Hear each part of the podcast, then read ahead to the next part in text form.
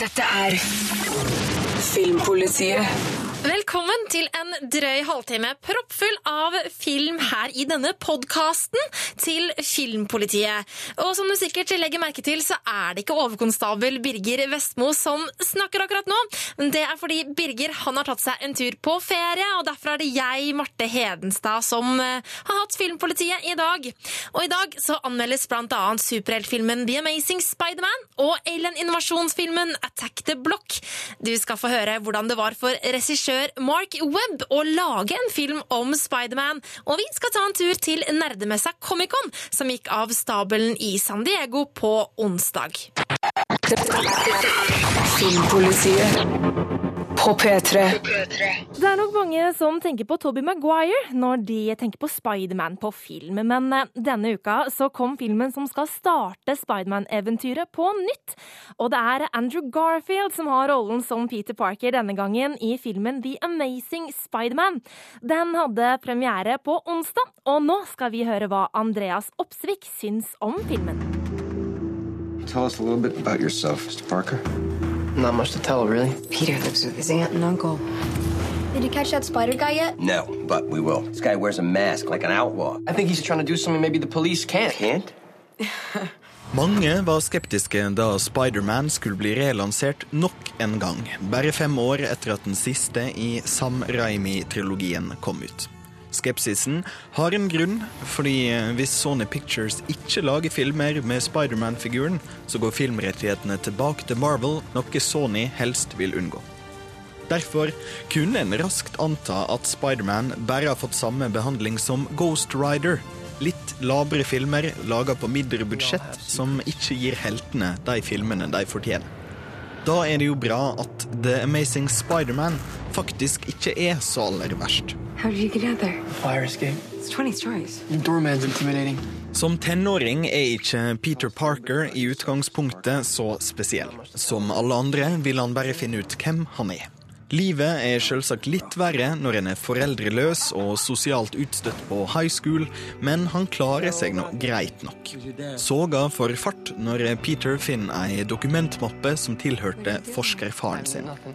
Han nøster opp en rød tråd i livet sitt og finner professor Curtis Connors. Connors var en av farens samarbeidspartnere, og han er veldig opptatt av artskryssing for å gi mennesker nye egenskaper. Hans egen agenda er å en dag gro ut igjen sin manglende arm. Your father and I were going to change the lives of millions, including mine. Det er ikke til å komme vekk fra at jeg elsker scener der ferske superhelter oppdager kreftene sine.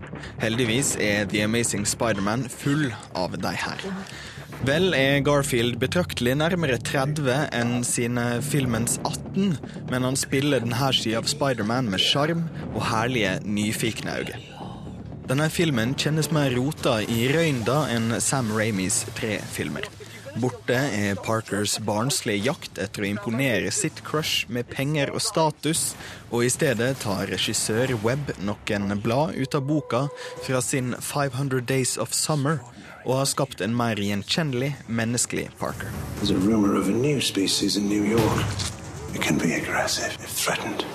Den største appellen til filmens hovedskurk, The Lizard, er at han ikke har blitt portrettert på det store lerretet før. Reece Ephens gjør en god, sår tolking av en forvirra vitenskapsmann som egentlig bare vil verden godt, men manuset gir han ikke nok å spille på, og han ender opp med å bli en fotnote i skurkegalleriet. The Amazing Spiderman tilfører ikke særlig til superhelten som vi ikke har sett før, men går gjennom vante troper for å fortelle enda ei historie der tilegning av superkrefter er en slags metafor for å vokse opp. If you want the Peter, Spiderman er en superhelt med stort potensial for actionfylte scener, og det her løser filmen godt. Spesielt liker jeg den mer naturtro retninga de har valgt å ta for nettet hans, som i ei scene der han setter opp et spindelvev for å kjenne etter røsler, på samme måte som en edderkopp i jakt. Og som de fleste på hans alder ville ha gjort, mens han venter på vibrasjoner fra skumle kloakkbeist, så slapper han av med et mobiltelefonspill. The Amazing Spider-Man er kanskje i tidligste laget for en nyskaping av denne figuren, men eh, Mark Webb og co. gjennomfører en fartsfylt film med de elementene en venter av en stor Hollywood superheltproduksjon. Ikke særlig nyskapende, og ikke helt på The Avengers-nivå, men betraktelig bedre enn da vi så Edderkoppen på lerretet sist.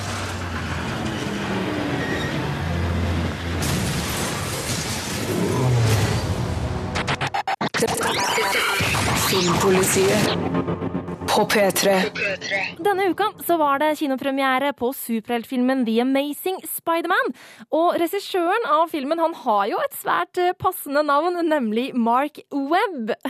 Og før han lagde denne filmen, så hadde han bare laget romansen 500 Days of Summer, i tillegg til musikkvideoer for Green Day og No Doubt.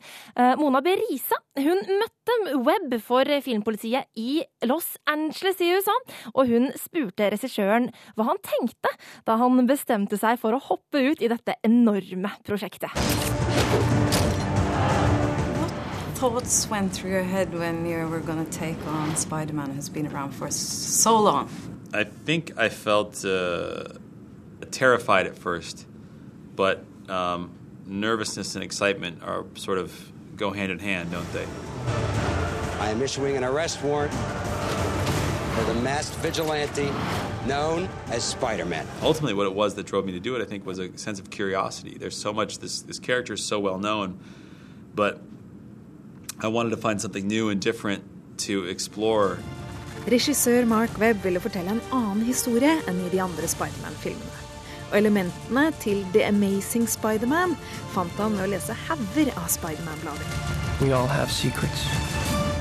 You know, I started to dig into the comics, and, and, and I was really compelled by this story about his parents and, and the idea that he's been taken away from his parents when he was six, seven years old, and, and I really wanted to know what the emotional consequence of that was and what that did to Peter, and, and, and that was a real important moment uh, to discover. So, how did you get there? How did you find that? What it would have meant for him? Like, did you talk to like psychologists, or did you just you know, actually, my it? sister is my sister is a is a psychologist, and I, I did have conversations with her about about I mean, what it means to, to, to, to be abandoned, and I think there's so much precedent in, in literary uh, explorations of that idea, whether it's you know Great Expectations or or or Spider Man, and what it came down to, I think, is for me there was a little bit of a distrust for the world, you know, and the I, I like the idea that Peter Parker was an outsider somewhat by choice. Peter Parkers bakgrunn som foreldreløs var bare én av de tingene Mark Webb ville fokusere på i The Amazing Spiderman. Peter lives with his aunt and uncle. I stedet for Mary Jane møter vi også Spidermans første kjærlighet, Gwen, som er en kontroversiell historie blant Spiderman-fans. Og den ultimate skurken, Lizard, blir for første gang brakt fra tegneserien til lerretet. Dr. Connors, I'm Richard Parker's son. Your father and I were going to change the lives of millions, including mine. What is it that's fascinating with that villain? You know, in this story, Peter Parker has a missing piece in his parents, you know, and, and he's, he's seeking to, to fill that void. And, and Kirk Connors is the literal embodiment of that theme. You know, he's missing an arm and, and, and he's trying to grow that arm back. And, and that the, the desire to fill the voids within us uh, uh, really reveals a lot of our character. And so thematically, there seemed to be a great symmetry between Peter Parker and, and Kirk Connors, and that just seemed like a natural uh, villain to explore. Filmpolitiet. P3. Widescreen på radio. Filmpolitiet presenterer Filmnytt. Tidligere i år var det mange tegneserieentusiaster som frydet seg da det kom ut at den danske skuespilleren Mats Mikkelsen var i prat med Marvel om å spille rollen som skurk i superheltfilmen Thor 2. Nå er det imidlertid klart at det ikke blir noen skurkerolle på Mikkelsen likevel.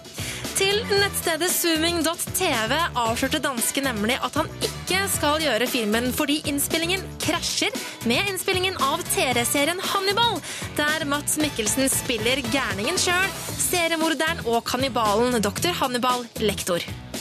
Denne uka kom den nye traileren for filmen Kon-Tiki.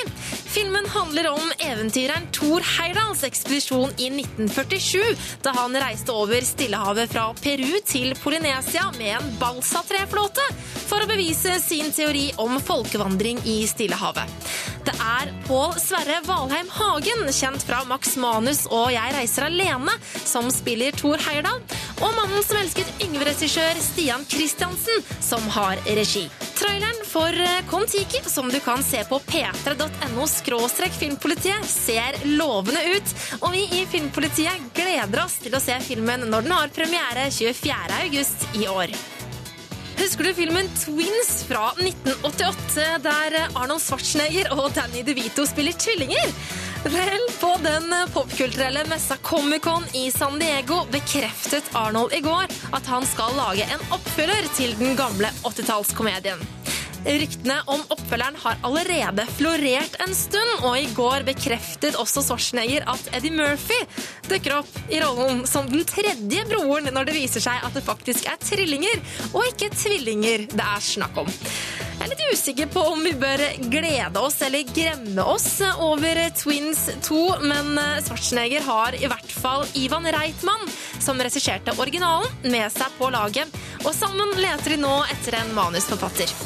Det var på panelet for Expendables 2 på Comic-Con at Arnold kom med avsløringen. Og Comic-Con foregår helt til søndag, og litt senere i sendinga skal jeg ta en telefon til Filmbonanzas Vegard Larsen, som befinner seg i San Diego akkurat nå, for å høre hvordan det er når hundrevis av nerder samles på ett sted. Dette er Filmpolitiet på P3. Her på P3 og i Filmpolitiet blir det nå klart for noe utrolig spennende. For vi skal nemlig avsløre vinneren av den store, store superheltkonkurransen vi har hatt gående her på Filmpolitiet helt siden i slutten av april. Nemlig kåringen av verdens beste superhelt. Nå har jeg fått Andreas Opsvik og Martin Aas i studio. Hallo, gutter. Hei sann. Hvordan går det? Bra. Det går fint. Vi er spent. Dere, dere er gira, ok. Eh, altså, Vi begynte jo denne superheltcupen eh, i eh, slutten av april, Martin. Hvordan var det vi gikk frem eh, i kåringa? Jo, vi fant jo fort ut at vi ikke kan putte alle verdens superhelter noensinne inn i én cup, så vi starter rett og slett med en kvalifiserende runde. Der vi lagde en liste på 102 superhelter. Egentlig alle vi klarte å komme på. Hvor man da stemte på alle man ville ha med i denne cupen. Og de 32 beste av de ble tatt med videre. Ok, Så rimelig, rimelig mange superhelter, altså. Eh, og nå har vi jo finalen gått en stund, og den var jo da mellom eh, Batman eh, og Supermann. Har det ikke vært veldig mye sånn diskusjoner i kommentarfeltet på p3.no skråstrek filmpolitiet, Andreas, om hvem som burde vinne? Det har vært fryktelig masse. Det har vært folk som appellerer til egentlig alle sider av diskusjonen. Både rent til hjertet og eh, til det litt mer sånn tekniske og, og saklige um, siden av det. Jeg, jeg holdt nesten på å si historiske, for det er et par her som har vært veldig, veldig nøyaktige i sin eh, gjennomgang. Ok, På hvilken måte da? Nei, det, det som har gått eh, en kommentator som heter T. Evans, i hvert fall, eh, som har eh, gått nesten kronologisk, kan vi jo nesten si, gjennom DC-tegneseriene for å rett og slett finne ut og, og bevise at eh, Supermann er fortjent til å vinne der. Ja, for det har veldig, vært veldig mye krangling. Folk har vært veldig engasjerte, Martin. Ja, og, og det er liksom, det her er også en eldgammel kamp. da Vi har sett det så mange ganger. Det er liksom de store bautaene innenfor superhelthistorien. Det har alltid vært en, en krangel, men nå klarer vi faktisk i dag å kåre en gang for alle hvem som er best av Batman og Supermann. Det kommer til å bli utrolig spennende. Jeg gleder meg veldig til å finne ut eh, hvem som som stikker av med seieren. Filmpolitiet på P3. P3. Og nå er jeg helt sykt spent, for jeg har nemlig Martin Aas og Andreas Oppsvik i studio. Hei, gutter. Og vi, vi skal nemlig ta og avsløre vi, vinneren av Filmpolitiets supercup, som vi har hatt gående helt siden slutten av april i år. Det er, det er, folk har stemt og stemt og stemt, Og nå skal vi, skal vi bare si det. Skal vi rett og slett bare avsløre? Det var jo Batman og Supermann som har kniva i finalen. Dette her er uh, superkrefter mot penger. Ja, og det er hvem liksom vinner? Nei, det har jo vært helt vanvittig mye stemmer som har kommet inn nå den siste, men seieren er soleklar. Er den det? Den er definitivt soleklar. Ok, Hvor soleklar da, liksom? Det er, vinneren har over dobbelt så mange stemmer som taperen, eller andreplass er jo en veldig bra Ja. plassering, det òg. Men ja, vi kan ikke holde det lenger. Vinneren, verdens beste superhelt forever, er Batman. Ja! Å, herregud! Det er, det er dødsbra! Jeg er kjempefornøyd. Jeg har stemt helt utrolig mye på Batman. Jeg har stemt hver dag på Batman. Jeg føler skuldrene mine ble liksom litt lettere nå. Nå det Åh, nå kan jeg puste letta ut. Så utrolig tøft. Batman er faktisk verdens beste superhelt. Ja, Kåra av våre lesere og lyttere og alle som har vært inne og stemt på, på Ja. Filmpolitiet sin nettsider, så er det Batman som vinner. Hva tror du er grunnen til at Batman stakk av med seieren, Andreas? Som Batman-fan sjøl, så må jeg jo nesten uh, si at det, det har nok både med gode historier å gjøre, og at han er en veldig sånn djup og interessant karakter. Og jeg, jeg tror mange oppfatter han som mer djup enn Supermann, i hvert fall. Men Mm. som sagt, kommentarfeltet har vært fryktelig flinke til å overbevise meg om det motsatte. Det har vært mange gode argumenter, både teknisk og, og liksom mer sånn Ja. til logikken og hjertet om hvorfor Supermann burde ha vunnet. Men Ja, jeg, jeg tror rett og slett at grunnen til at Batman har vunnet, er at han har blitt utrolig populær i det siste med de awesome filmene til Nolan. Mm. Og jeg er sikker på at dersom det siste vi så av Batman på uh, sølvskjermen var Batman and Robin, så hadde det antageligvis ikke gått like bra med han. Ja, det tror jeg du har rett i. Batnipples, er ikke det et argument verdig i seg sjøl? Skjønner ikke.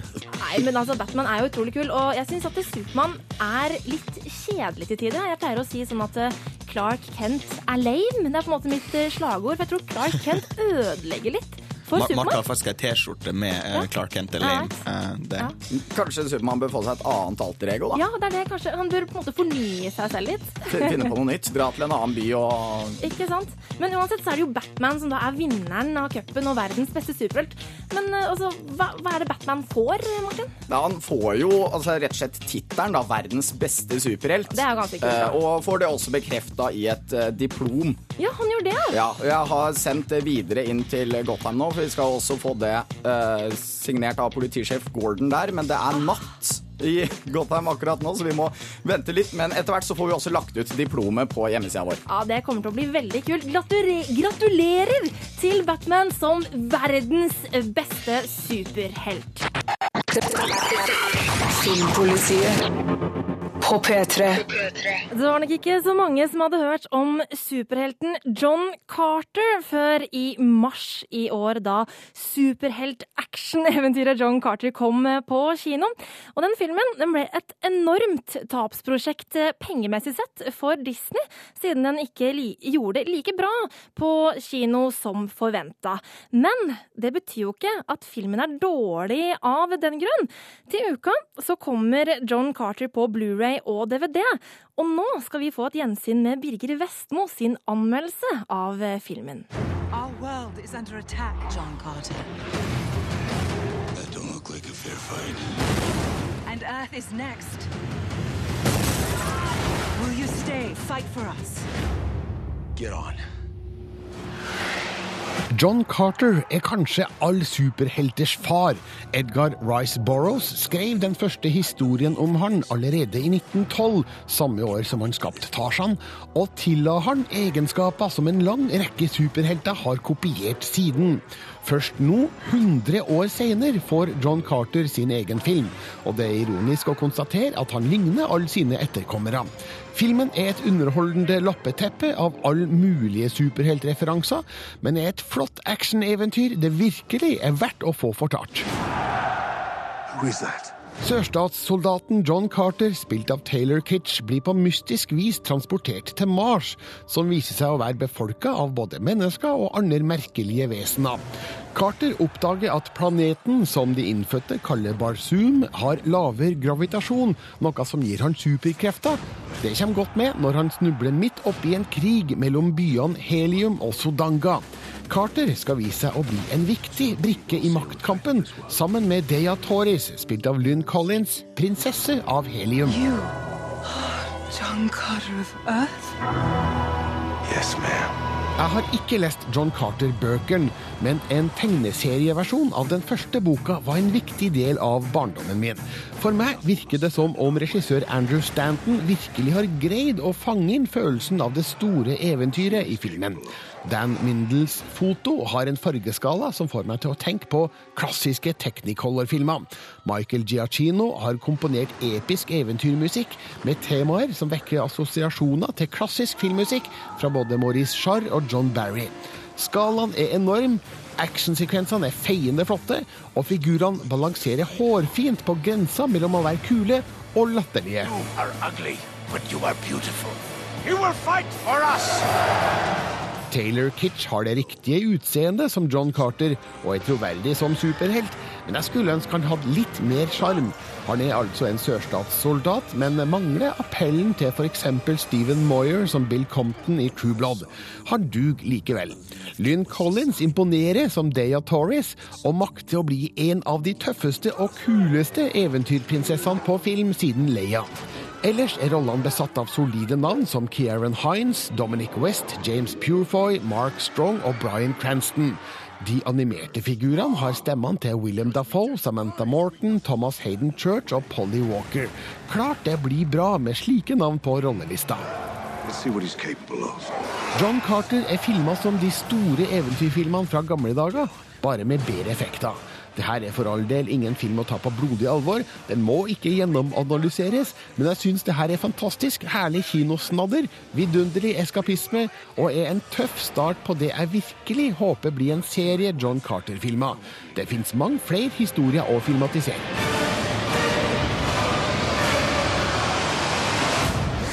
Er Filmpolitiet på P3. Denne uka har tusenvis av nerder strømmet til San Diego i USA som en ja, som møll mot lyset. Og det er fordi at den svære nerdemessa Comic-Con gikk av stabelen på onsdag denne uka. Og der befinner Filmbodansas Vegard Larsen seg. Hallo, Vegard. Hei.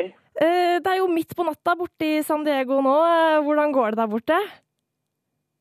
Nei, akkurat nå så er det jo eh, som natt, men eh, på dagtid går det veldig bra. Eh, jeg regner med at de fester ganske godt nede i San Diego sentrum fremdeles, men eh, jeg befinner meg et stykke unna sentrum. og har det i og for seg fint her.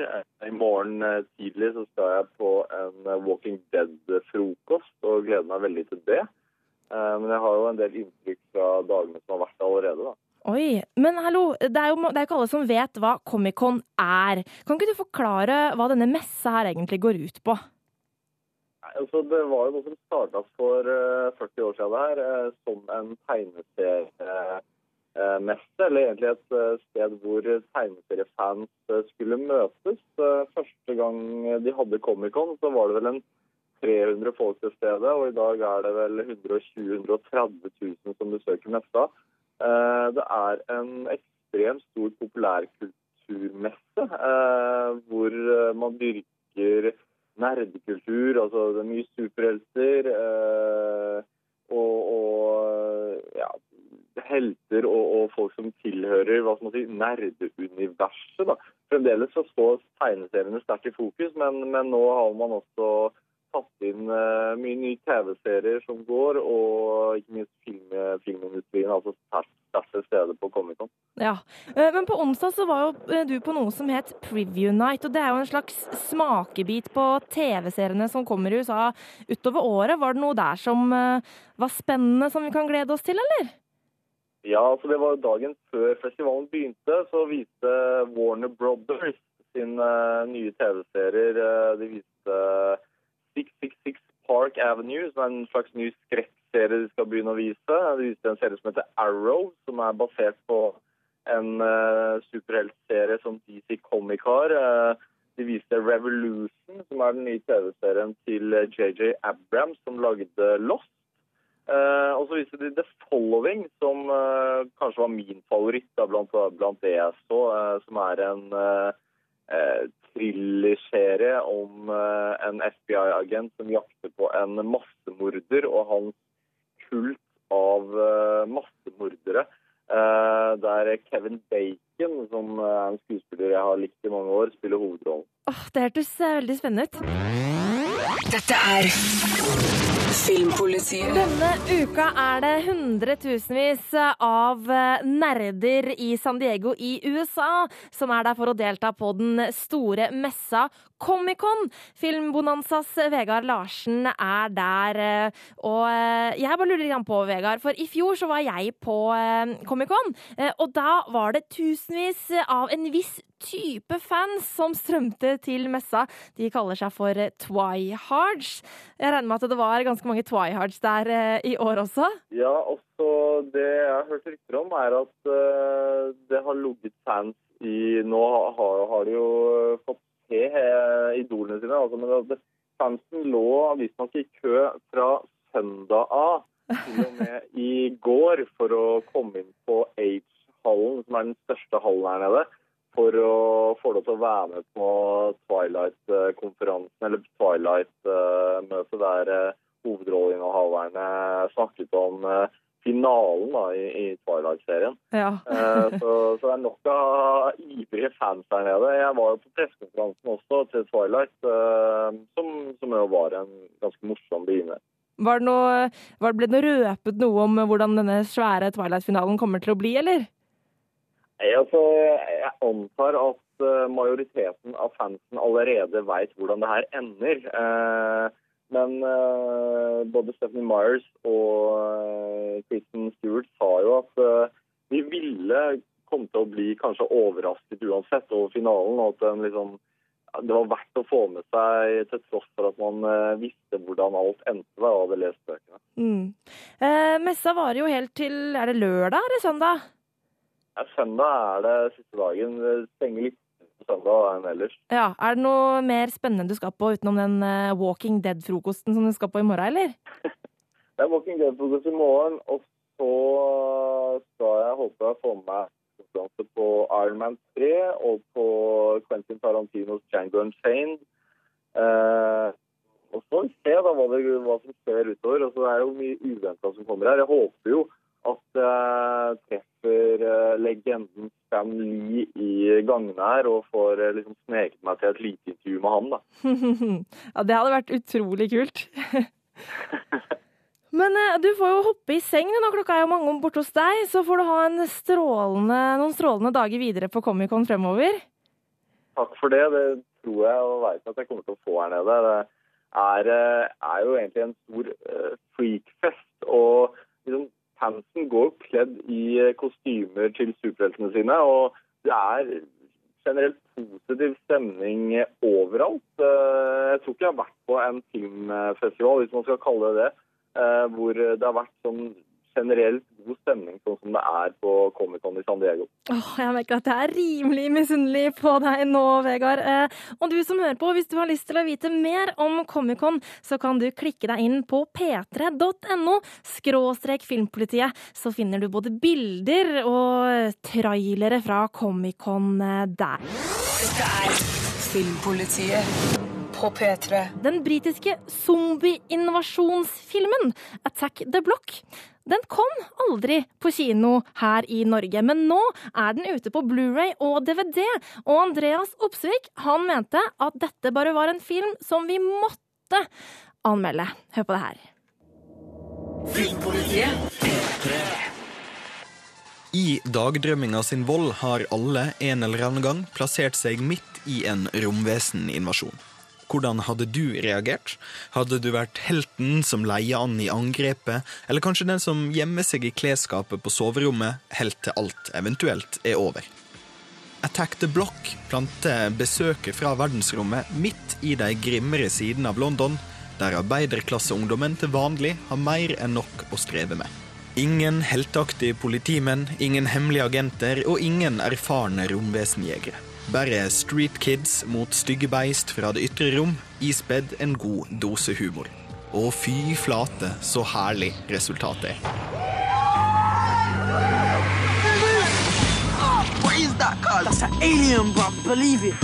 I et shady nabolag i Sør-London er en guttegjeng på kriminelt fotefar. Etter å ha rana ei ung kvinne blir de overrumpla av noe som faller fra himmelen og totalødelegger en nærliggende bil. Objektet viser seg å være et romvesen, det første i ei lang rekke som faller fra skyene.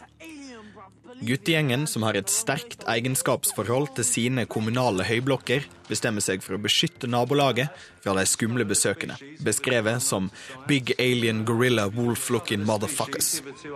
En naturlig reaksjon, i hvert fall for ungdom som har dagdrømt situasjoner som det her mange ganger før. What kind alien would invade some council estate in South London? One that's looking for a fight. På samme måte som at Dawn of the Dead kunne ses som en kritikk av konsumsamfunnet, og at Robocop egentlig er Jesus, så er Attack the Block en interessant skildring av hva som gjør noen til aliens og utenforstående, sjøl i sitt eget samfunn. Budskapet blir på ingen måte hamra inn, men det ligger og ulmer og gjør det til mer enn bare ren underholdning. Filmen er spekka med nydelige figurer. De fleste hovedrollene har gått til relativt ferske skuespillere, som har fått god regi av regissør Cornish. Det er forfriskende å se en film der chav-ungdom blir portrettert som mennesker, og ikke bare uforståelige andre. Enda en budskap der, kanskje. Spesielt er jeg imponert over John Boyegas rolle som gjenglederen Moses, og måten han viser både de tøffe og de mjukere sidene av livet sitt. For å bryte opp arbeiderklassen gjør Luke Treadway en nydelig rolle som øvre middelklasse wiggeren Bruis, som skaper humor i situasjoner mellom de privilegerte og de mindre privilegerte i det britiske samfunnet. Right now, like home. Attack the Block er musikklagt i hovedsak av house-duoen Basement Jacks, og på samme måte som Chemical Brothers i fjorårets Hanna, passer den elektroniske musikken ypperlig i både actionscener og mer rolige parti. Attack the Block deler mye av crewet med de nydelige parodifilmene Shaun of the Dead og Hot Fuzz. Men i stedet for Edgar Wright er det hans mangeårige kompis Joe Cornish som har tatt registolen og skrevet manus. Cornish går litt vekk fra den absurde humoren de andre filmene har fokusert på, og har en mer realistisk, jordnær tilnærming. Eh, Så realistisk som en kan få en rominvasjon, altså. Det her er en finfin fin regidebut. Attack the Block ender med å bli både en pastisj på invasjonsfilmen og et friskt innslag i den samme filmsjangeren.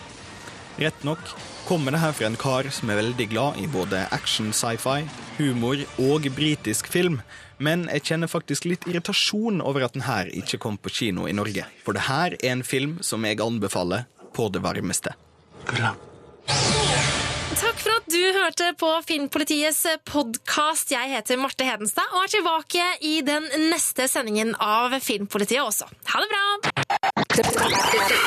Filmpolitiet på P3.